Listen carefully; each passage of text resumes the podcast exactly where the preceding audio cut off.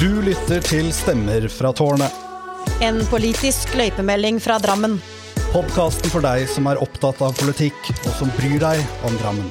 Vi inviterer deg på innsiden av rådhuset, opp i tårnbygningen, hvor pølser og politikk blir laget. Og Drammen delvis blir styrt. Velkommen til Stemmer fra tårnet. Jeg heter Andreas Muri. Og mitt navn er Kristin Surlin. Nå har vi vært gjennom årets aller siste møterunde, og mange er nok glade for at det nå er politisk juleferie etter en lang høst med mange møter. Det sikreste juletegnet for oss politikere er at budsjettet er vedtatt. Men du og jeg, Andreas, vi tar ikke ferie før vi kan gi dere en aldri så liten ukritisk rapport fra kommunestyremøtet. I denne episoden får du annet vite om ordføreren har vaska gulvet, er det nok å kutte kveita? Maskeradeball og vestlandslefs eh, på tinget. Er det Robek neste for Drammen? Et eh, overraskende besøk midt i kommunestyremøtet. Og som om ikke det var nok, har vi julenøtter på lur, så følg ekstra nøye med underveis. Da kjører vi i gang denne juleepisoden. Ho, ho, ho! ho.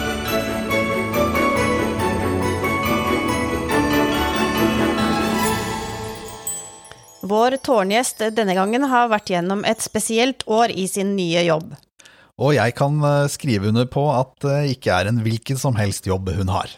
Men med sitt blide vesen har hun stått godt i det. Og da har vi med oss eh, ordfører eh, Monica Myhrvold Berg. Hvordan har dette første året som ordfører vært for deg, Monica? Oi, hvor lang tid har vi? Å oppsummere et år, år, nå, det er eh, Altså, det har vel vært alt annet enn jeg kunne forvente. Og det hadde jeg vel svart uansett kanskje når her, fordi å uttrykke seg om hva det vil være å si å være en ordfører, tror jeg ikke man klarer å forestille seg. Det tror jeg kanskje Andreas kan være med og skrive under på. At man veit jo ikke helt hva hva man går til. Man kan jo på en måte prøve å forestille seg, og så tror jeg man tar feil uansett. Så men klart dette her året her har vel vært eh, vil jeg jo påstå, Andreas, så har jeg ikke dine erfaringer men, eh, som ordfører, men jeg vil jo si at det kanskje var ekstraordinært. Eh, og jeg kunne jo ikke på noen som helst måte se ja, tenke meg ut hvilke utfordringer jeg kom til å stå overfor. Altså, starta jo alt med å ikke ha det er første, en av de første ordførerne som har starta som ordfører uten å ha noen kommune. Det var jo liksom tre måneder først med det. og så ble det nyttår, og vi hadde kommunen på plass i to måneder, og så sto vi opp for korona og alt som har fulgt med det. Og det må jeg si var eh, veldig nytt og umulig å tenke ut at man skulle stå i, da. Mm. Så det var sånn overordna linje på, på året. Ja. ja, for det, det, å være ordfører sånn for egen del så det er vel kanskje den merkeligste jobben uh, jeg, noen gang har hatt. Uh, for det skiller seg jo ganske mye fra fra andre jobber man kan ha. Eh, og det er jo noe med de forventningene eh, man blir møtt med, og hva man egentlig kan, kan utrette. Som, eh, så det er det å balansere hva som er mulig, og, og de forventningene man, man møter. Men, men hva, hva, er det Du har jo nevnt koronaen. Hva, hva har vært det mest utfordrende å være ordfører midt oppi det? Det er også eh, pandemi. Eh, å håndtere en pandemi har jeg svært lite kunnskap om, eh, og har aldri hatt noe rundt. Så det å vite hva som er det mest viktige å gjøre i en sånn situasjon, da har jeg jo vært veldig glad for at vi har så mye dyktige fagfolk i kommunen, for det har vi. Det har imponert meg så enormt. Det faglige kunnskapen som har, og vi har i kommunen. Og det som kanskje ble litt overraskende i det, fordi at eh, alle de fagområdene vi har, de hadde jo akkurat blitt kjent med hverandre, og dem også, i den nye kommunen. Og at de klarte å samle seg og bli en veldig styrke sammen og som en enhet. Det var jo ikke sagt at det skulle gå den veien, men det har det faktisk gjort. Så, så den biten har jo imponert meg veldig mye. Eh, men en annen ting er jo alle de her, plutselig det her å kunne ha møtes fysisk eh, og ha eh, politiske møter, som vi er helt avhengig av kommunene. Vi skal jo ta veldig viktige avgjørelser, og det, når det ikke da kan møtes, Eh, vi prøvde jo en periode å ha i samfunnshuset i Nemnda her nå, ha stor avstand, og det var jo faktisk veldig hyggelig å få lov til å møtes, selv om det var på en helt annen arena og ja, på en annen måte. Men alle de her fjernmøtene og digital kompetanse, det er, eh, det er stor strid. Ja. Så det at det skal fungere, det ja. Ja. Det, Ja, for, for, for, er politikere er jo mennesker, de også, og det, det, er jo lett, det er jo faktisk lettere å samarbeide eh, når man eh, møtes. Men, men selv om det første året har, eh, har møtt deg med, med uventede utfordringer, så har det vel likevel kanskje vært noen eh, lyspunkter. Hva, hva er det Hvilke lyspunkter eh, er det som har festet seg mest eh, i deg gjennom eh, året som har gått eh, som ordfører? Altså, eh, lyspunkter og det å være ordfører er utrolig hyggelig. Eh, og det som er den fine og hyggelige delen av jobben, er jo alle man møter rundt, og alt det gode som skjer i kommunen. For det skjer så mye bra å kan være ute da. Jeg har jo vært med alt på å hogge juletre som jeg sendte til Kiel, og det har vært ute. Jeg var jo senest eh, eller sommer ute hos, eh, i Svelvik og vært både på søppelplukking der eh, langs stranda der, og vi har jo åpna fotballbanen der, som jeg nå har sett bilde av at er litt is på. Så all, alle de tingene er så utrolig hyggelig, og jeg tror kanskje det er den fineste biten med jobben. Det å få lov til å være ute og rundt og møte innbyggerne og se alt engasjementet som er der ute, og hjertesaker som folk er engasjert i. Og de er veldig gode på å henvende seg og eh, snakke med meg og ønske at jeg skal komme ut da, og møte dem på det. Og det må jeg si er lyspunktet. Og det har vi fått til, selv om eh, det har vært korona. I hvert fall store deler av det har vi fått til for det. Fordi mye skjer ute, eh, og uterommet er stort. Så da er det mulig å legge til rette for det. Så det vil jeg jo kanskje si er de skikkelig høydepunktene og lyspunktene. Ja, I kommunestyremøtet så ble jo dette året omtalt som annus horribili, men, men det er jo det er jo likevel noe, noe fint oppi dette her da, likevel, da. Men, men dette, denne podkasten her, vår Monica nå, er jo, er jo julespesial.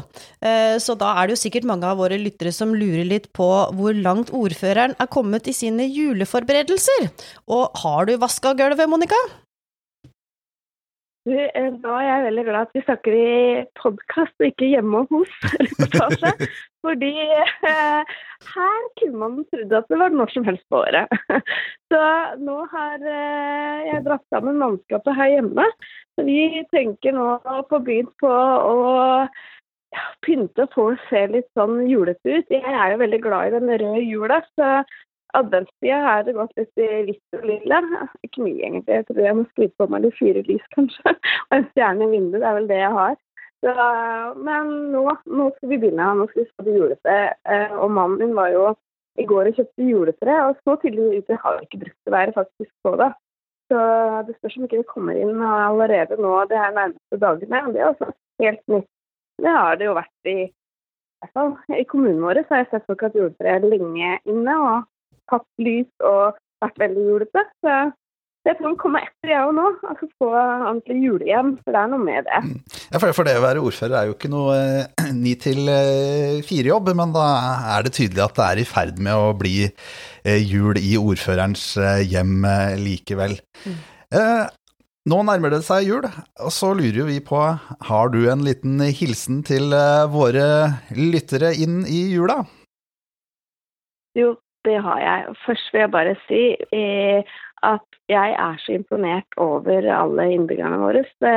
Måten vi har stått sammen på, på tross av en pandemi, så syns jeg kanskje noe av det fineste jeg også har sett, er hvordan vi har samla oss da, og stått eh, og tatt tak i og lytta til det her smittevernrådene og ønska sammen på å få eh, tatt bukt og få senka smitten ned. og samholdet der syns jeg har vært så enestående, så jeg har lyst til å uttrykke tilbake til alle som lytter, at jeg er så stolt og jeg er så imponert over den biten og den hjertevarmen som jeg har sett på det.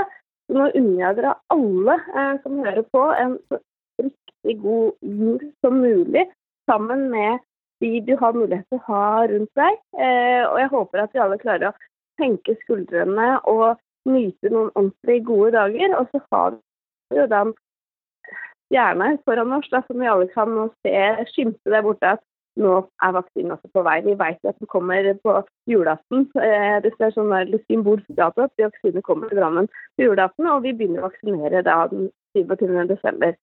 Så det tenker jeg er eh, Det vil alle puste godt ut med å, å vite. Så. Men det at alle nå klarer å, å nyte jula, det håper jeg vi alle får til. ønsker. Og eh, alle skal få en riktig så god jul og et godt nyttår. Og så går vi inn i 2021 og ser framover. Da takker vi deg for eh, innsatsen i året som er gått, og takk for at du kom eh, hit til eh, Stemmer fra tårnet. Og så ønsker vi deg en riktig god, god jul.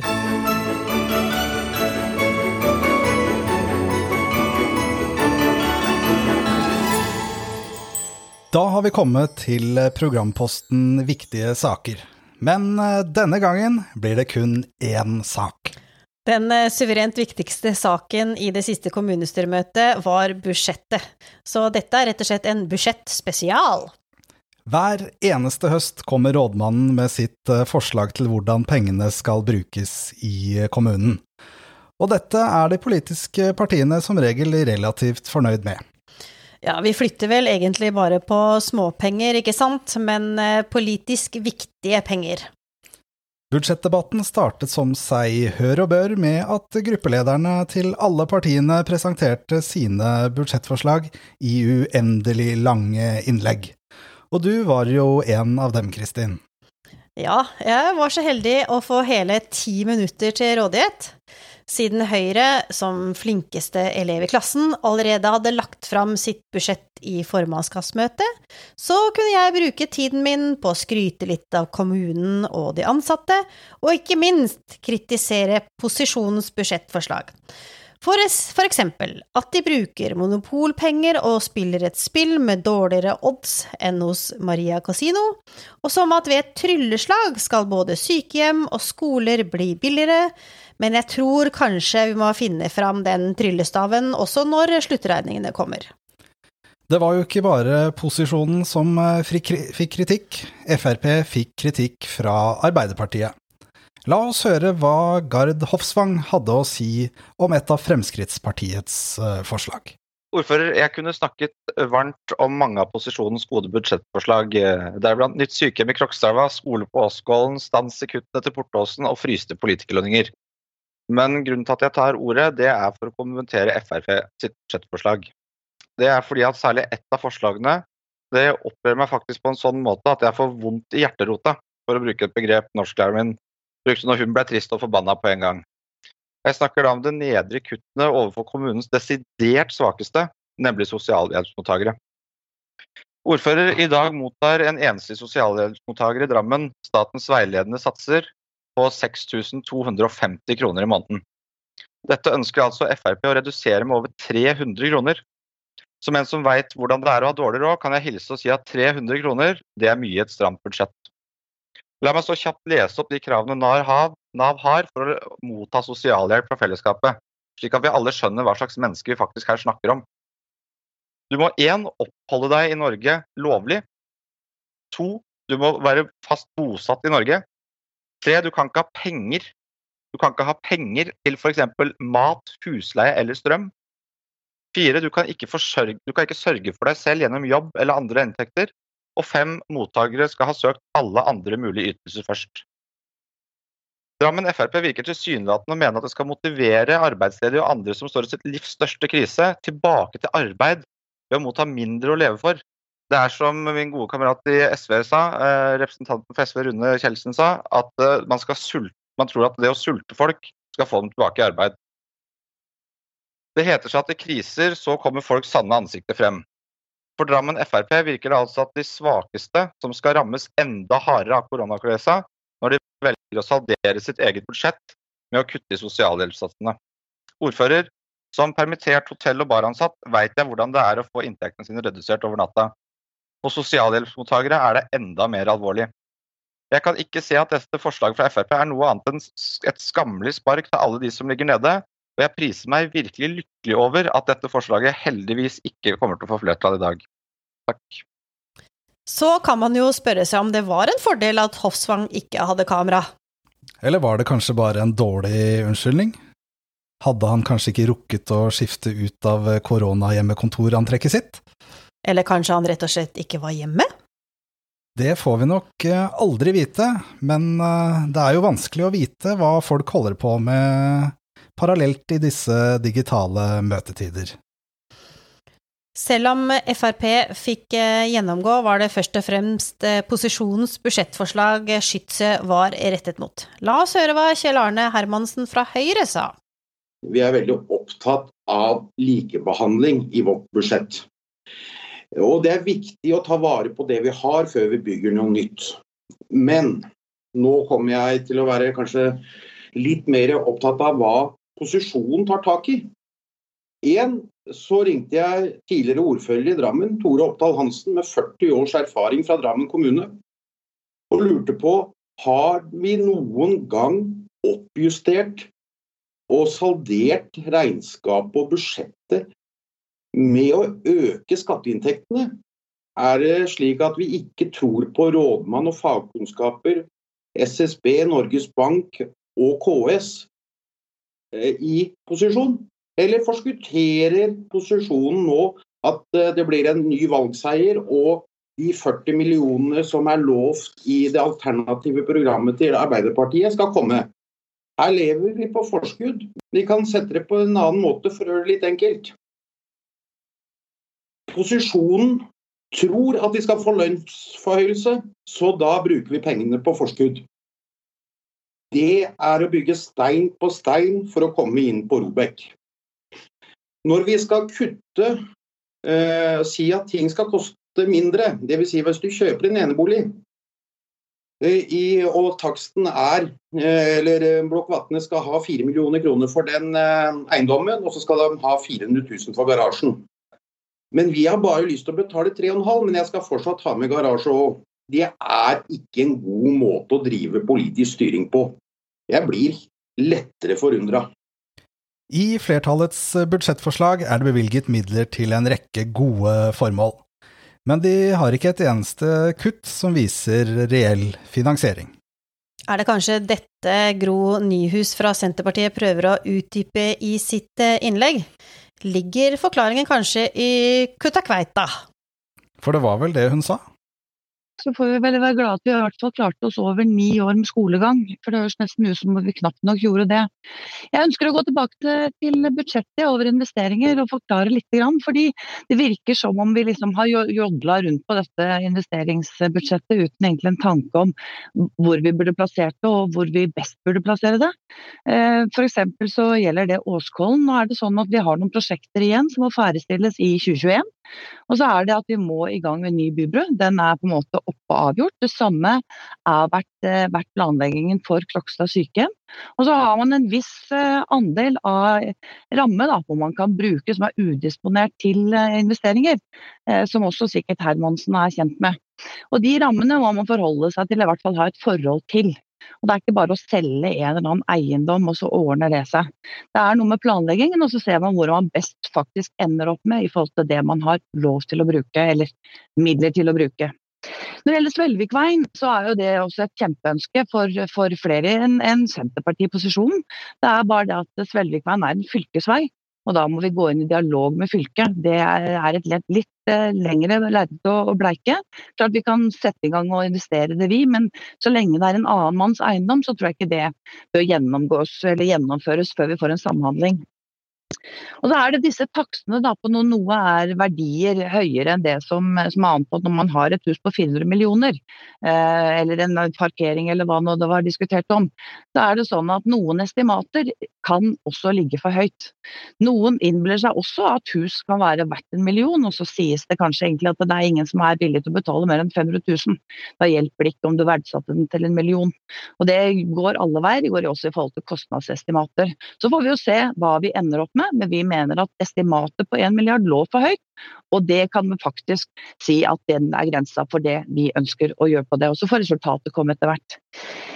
Når det gjelder å komme i forhold til budsjettet nå, så er det en antakelse og det gjelder også disse skatteestimatene. Og det går på at når vi kommer til første tertial, så må, vil det vise seg hvordan dette her ser ut. Og vi klarer ikke å få levert et forslag på budsjett uten at det går i null på et eller annet vis. Og om det være seg helt hinsides og det ikke henger på greip, eller hva det nå enn skal være av adjektiver som kommer fra Hermansen, sier jeg antar jeg i hvert fall, i forhold til replikken, det vet ikke jeg.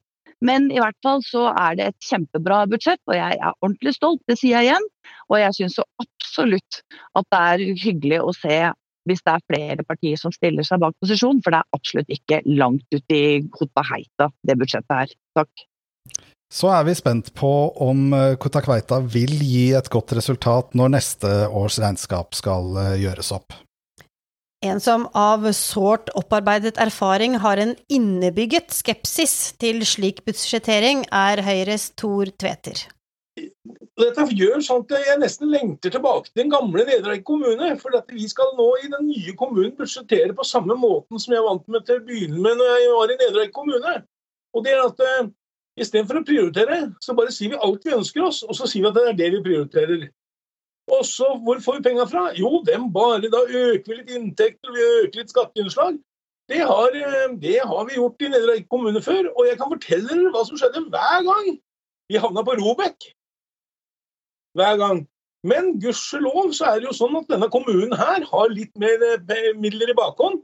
Så vi må nok tømme disposisjonsfondet og dette først, før vi havner på Robek. Men denne måten å budsjettere på er den sikre veien til Robek, og det kan jeg skrive under på. Som eh, politisk redaktør i Drammens Tidende kaller meg, gammel, rusten mann, har vært med på dette før og havnet på Robek-lista. Dette er starten på å gå mot Robek-lista med åpne øyne av posisjonen, syns jeg. Jeg vil også da nevne i samme farta at eh, vi skal prioritere mellom Veiavangen og, og, og Åskollen så er jo det sånn at i Veiavangen der er det allerede regulert. Det ligger vel, eh, Byggetegningen er jo omtrent ferdig, så vidt jeg vet. Og så er det sånn at det, eh, Forskjellen på de to er at på Åsgården så ønsker hun en kortere reisevei til skolen. Mens på Veiavangen der reiser, der busser vi også elevene til. Men der er deler av den gamle skolen den er stengt av Arbeidstilsynet. Brannvesenet har innsigelser. Det er ikke ventilasjon der. Altså, De lever i forhold. Hadde det vært en arbeidsplass, hadde den blitt stengt. At den ikke er stengt som skole, er jo helt utrolig. Men den prioriteringa må jo noen andre Det er jo posisjonen som må stå ved den. Så skal ikke jeg si noe annet, men eh, jeg håper at eh, noen andre tar over styringa før vi havner på Robek. Gudskjelov er et stort disposisjonsfond, så at dere, jo, dere kan jo kvitte dere med masse verdier i denne kommunen før eh, noen andre må ta over igjen. Men jeg håper at det er igjen noe i hvert fall når noen andre tar over. Takk. Budsjettdebatten handlet ikke bare om kjekling mellom partiene om tall og rammer. Nei, ting var man faktisk enige om. Høyres Victoria Fevik snakket om en av disse tingene. Vi har et forslag i eh, vårt budsjettforslag som er et verbalpunkt, som går på eh, bildelingsplasser i kommunen vår. Eh, så er det sånn at Vi disponerer jo mange kommunale parkeringsplasser, både i bykjernen eh, og utenfor men også i kommunale parkeringshus.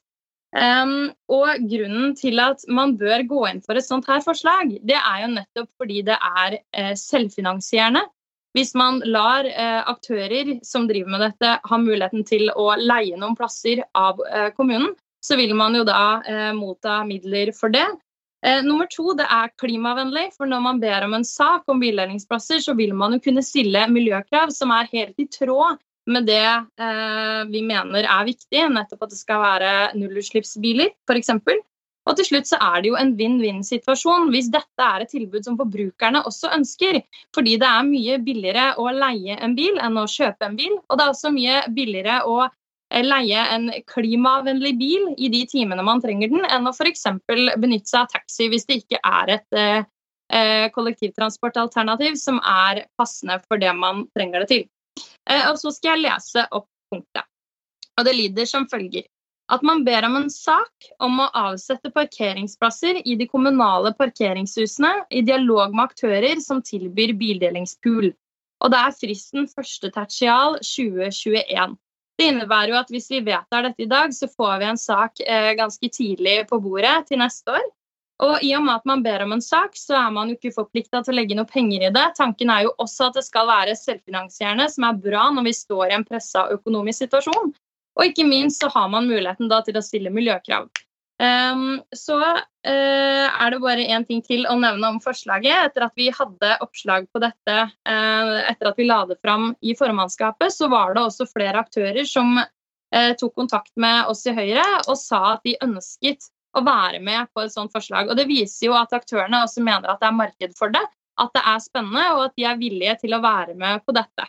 Så Derfor håper vi at vi kan få flertall for dette i dag, og at administrasjonen kan begynne med å jobbe med dette og se på mulighetene for å få noe sånt her til. Det tror jeg hadde vært kult for alle studenter som ønsker å leve mer klimavennlig, alle barnefamilier som ønsker å leve mer klimavennlig, og alle eldre og voksne som ønsker å leve mer klimavennlig. Så jeg håper vi kan vedta dette punktet i dag. Tusen takk. Bildelingsforslaget fra Høyre ble enstemmig vedtatt. Og det samme ble et forslag fra Høyre om forskuttering av spillemidler til eh, idrettsanlegg. Ellers ble det flertall eh, for eh, ikke å selge et skolebygg som i dag brukes som lager, og som det ikke vil bli bruk for som noe annet enn lager så langt vi kan se. Eller Time will show, som de sier i Flåklypa. For øvrig ble posisjonens eh, budsjettforslag banket gjennom mot opposisjonens stemmer, før kommunestyrerepresentantene digitalt kunne ønske hverandre god jul.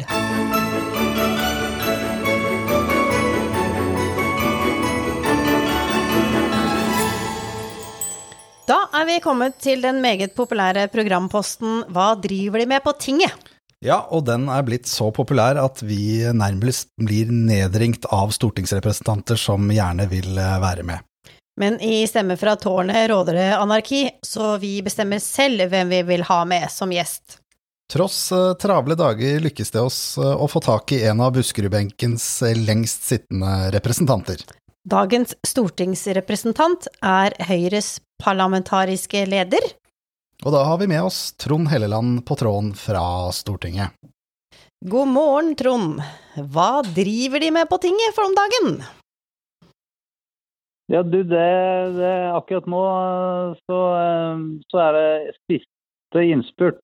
Det har jo vært eh, en lang eh, høst med mye koronakrisepakker og eh, budsjettbehandlinger. og eh, så nå er det siste budsjettet til behandling. I dag er det justiskomiteen og transportkomiteen som skal gjøre opp. Og eh, vi avslutter faktisk i morgen, og det er lørdag. Så det er en vanlig arbeidsdag på Stortinget i morgen for å bli ferdig med det siste, siste tinget. Og da kommer bl.a. den, den såkalte nysalderingen til behandling. Det er behandling av eh, endringer i budsjettet for 2020. En av de gode tingene som kommer der, er jo at det kommer en sånn liten ekstra krisepakke for kommuner som er hardt rammet av korona og arbeidsledighet, som bl.a. gjør at utelivet i Drammen kan få ja, det er vel 10-11 millioner som er satt av til Drammen der, som kommunen sjøl skal kunne formidle ut til eh, næringslivet. Det skal ikke gå i kommunekassa, det er ikke meningen. Det er mye, mye, mye spennende som skjer, og så er det litt sånn juleavslutningsmodus. Men uh, i år så ble det bilde foran juletreet. Vi tok av oss maska rett før vi tok bilde, men vi hadde møte med Viken uh, Viken stortingsrepresentanter nå klokka kvart på ni, og da tok alle av maska, og så tok vi noen bilder foran juletreet med to meters avstand. Det blir jo litt spesielt når det er korona, men vi har jo sluppet eh, billig unna på Stortinget i den forstand at det har vært veldig lite smitte her. Det var noen helt i starten, i mars. Etter det så har det gått veldig bra, og det er fordi at vi må gå med maske både innendørs og i salen og sånn. Det eneste vi tar av, er når vi skal holde innlegg. Mm. Ja, så bra. Så må vi jo bare takke på vegne av Drammen, da, på 11,4 millioner er det vi har fått i Drammen, og det skal jo ja. formannskapet bestemme retningslinjene for tildeling av i dag. Så dette her er kjærkomne penger til, ehm, til uh, utelivsbransjen i Drammen, så, det, så vi takker hjerteligst for det. Ja, jeg er veldig glad for å få til det. Det var jo en annen kar som uh, hadde store ord og skulle fikse noe, men det var jo helt umulig, det oss ut Arbeiderpartiet foreslo, det hadde vært i strid med både konkurranseregelverk og andre ting. Så han jeg så han var litt høy og mørk i går og syntes det var for dårlig det vi hadde fått til, men uh, de fikk ikke til noen ting. Mm. Så uh, jeg syns det vi har levert her, som vi har gjort hele veien under krisa. Det har vært et ekstremt vanskelig år. Eh, jeg sitter i utenriks- og forsvarskomiteen, og jeg fikk en tur til Svalbard akkurat midt imellom eh, bølge 1 og bølge 2. Ellers så har det vært uh, ingen utenlandsreiser, naturligvis. Ingen innenlandsreiser, ingenting. Så det, da har vi jo måttet sitte her og jobbe, da. Det har vi gjort. Så det har vært gøy, det. Men begynner å bli litt lei av å sitte på Teams-møte og med kjempelang avstand og med maske i salen og sånn. Jeg håper at vi nå får vaksinene og begynner å rulle ut, at folk er flinke fram til det. At vi kommer i mål med dette her før, før sommeren i hvert fall.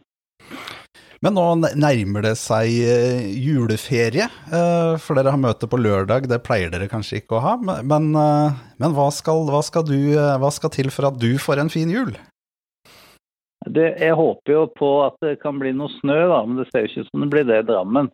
Da er vi så heldige at vi har kjøpt oss en leilighet oppe på Hafjell, så vi tar en tur dit. Og så har vi slekt Linda, kona mi, har jo familien i Trøndelag, så vi skal prøve å kjøre opp dit en tur og holde et sånn eh, ti, ti gjesters juleselskap, som eh, nå er lov.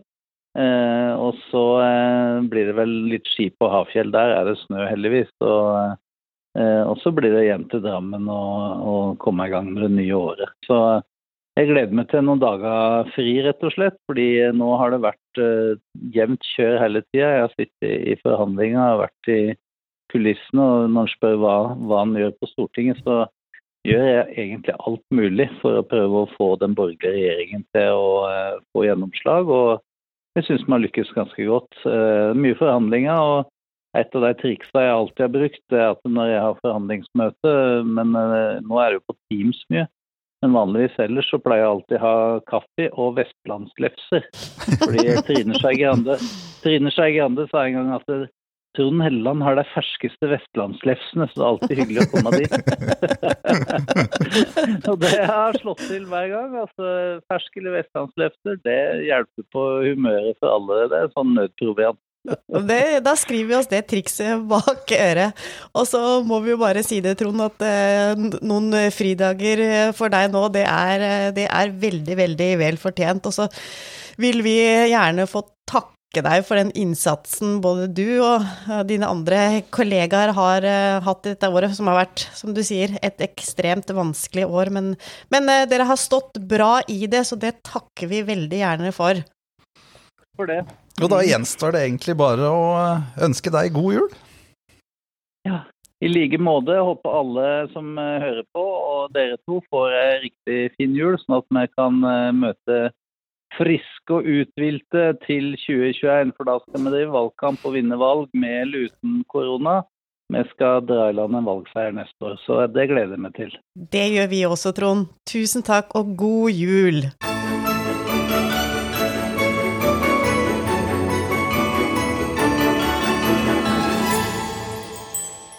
Da har vi kommet til høydepunktet for mange av eh, våre lyttere, nemlig spalten Sa han virkelig det? Som i dag er Sa hun virkelig det? Politikken kan eh, være et realt tidssluk, og det å sette seg inn i saker og delta på møter tar rett og slett mye tid. En som det kan tyde på at sliter med å få kalenderen til å gå i hop, er Katarina Krukov fra Nei til bom. Ja, nå hadde jeg ikke egentlig tenkt å si så mye, men nå kjenner jeg på at uh, i en kommunesammenslåing som vi nå er i, så burde jo egentlig alle ha vært heltidspolitikere. Det er det ikke tvil om. For det er jo en gang sånn at det er veldig mange som jobber uh, og har, har, et liv. Det har dere som er heltidspolitikere også, misforstå meg rett, men her er det også veldig mange møter som ikke blir synliggjort i denne planen.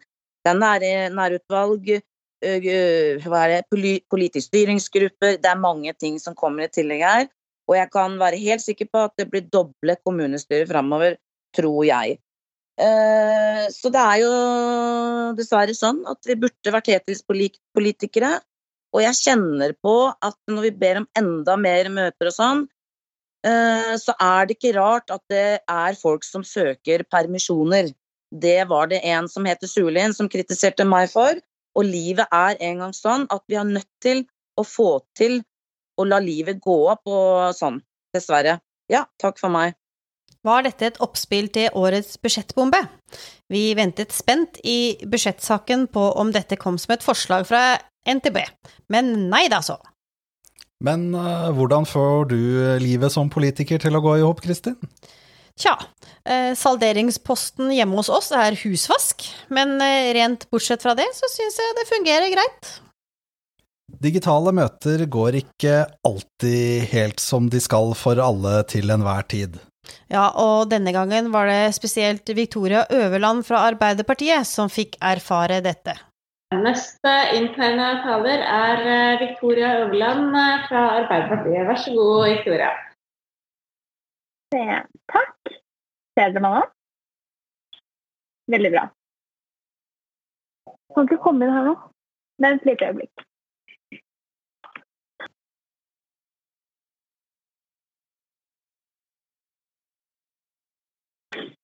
OK, da prøver vi igjen. Um, hei. Hvem var det som kom inn til Victoria midt i kommunestyremøtet?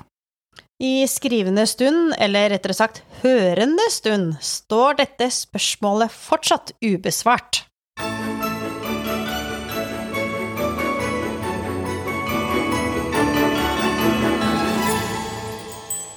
Siden det er jul, ønsker vi å servere en liten porsjon med julenøtter, og det vanker selvsagt en premie. Ja, Podkasten vår er ikke så ekstremt, eller faktisk overhodet ikke inntektsbringende, så vi har klart å mase oss til et gavekort fra den fantastiske svelvikske restauranten Letai. For å bli med i eh, trekningen av denne flotte premien, må du like Facebook-siden vår og svare på fem eh, spørsmål. Svaret sender du som melding til eh, Stemmer fra tårnet på Facebook innen eh, nyttårsrakettene er fyrt opp, og vi kan ønske 2021 velkommen. Spørsmål 1. Hvorfor er ordfører glad for at hun ikke er med på en Hjemme hos-reportasje? Spørsmål 2. Hvilket parti kritiserte Gard Hofsvang i budsjettdebatten? Spørsmål 3. Hvem fungerer Hellelands forhandlingstriks best på? Spørsmål eh, fire. Hva vil eh, Nei til bom ha flere av i kommunestyret? Spørsmål fem. Hva er bonusmaterialet i denne episoden? Vi håper på mange gode svar på julenøttene våre, og med det har vi kommet i mål med denne julete budsjettepisoden, og vi vil ønske alle våre lyttere en riktig god jul. Takk for nå. Vi høres igjen. Gledelig jul og et godt riktig godt nytt, nytt år!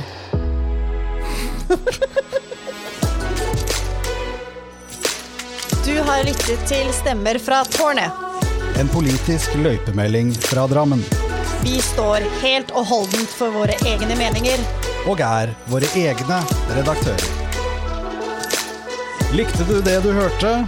Da setter vi pris på om du trykker abonner på podkasten vår. Og, og følger oss på Facebook.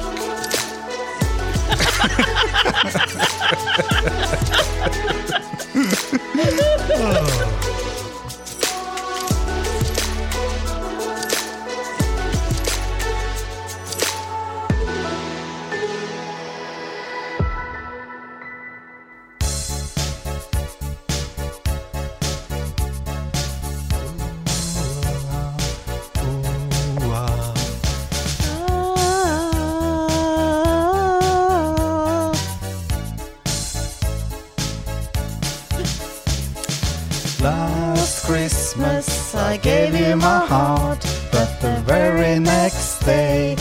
gave it away.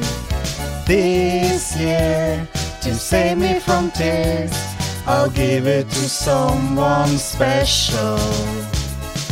Last Christmas I gave you my heart, but the very next day you gave it away. This year, to save me from tears, I'll give it to someone special.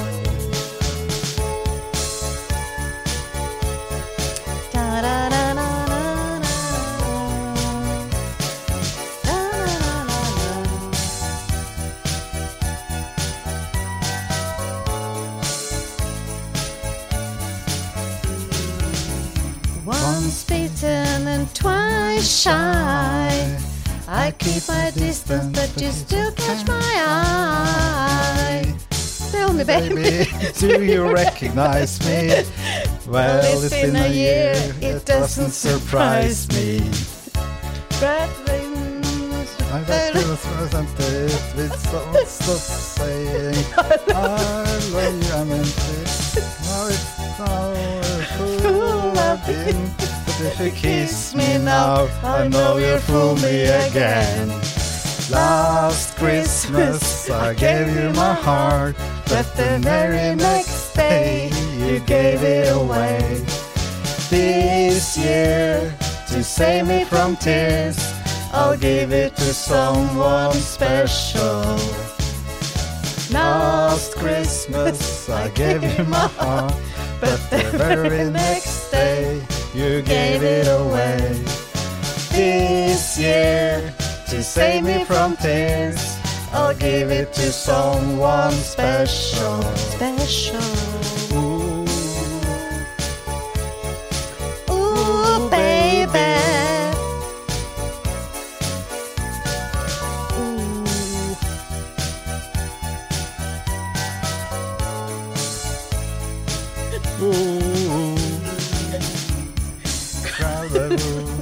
Eyes.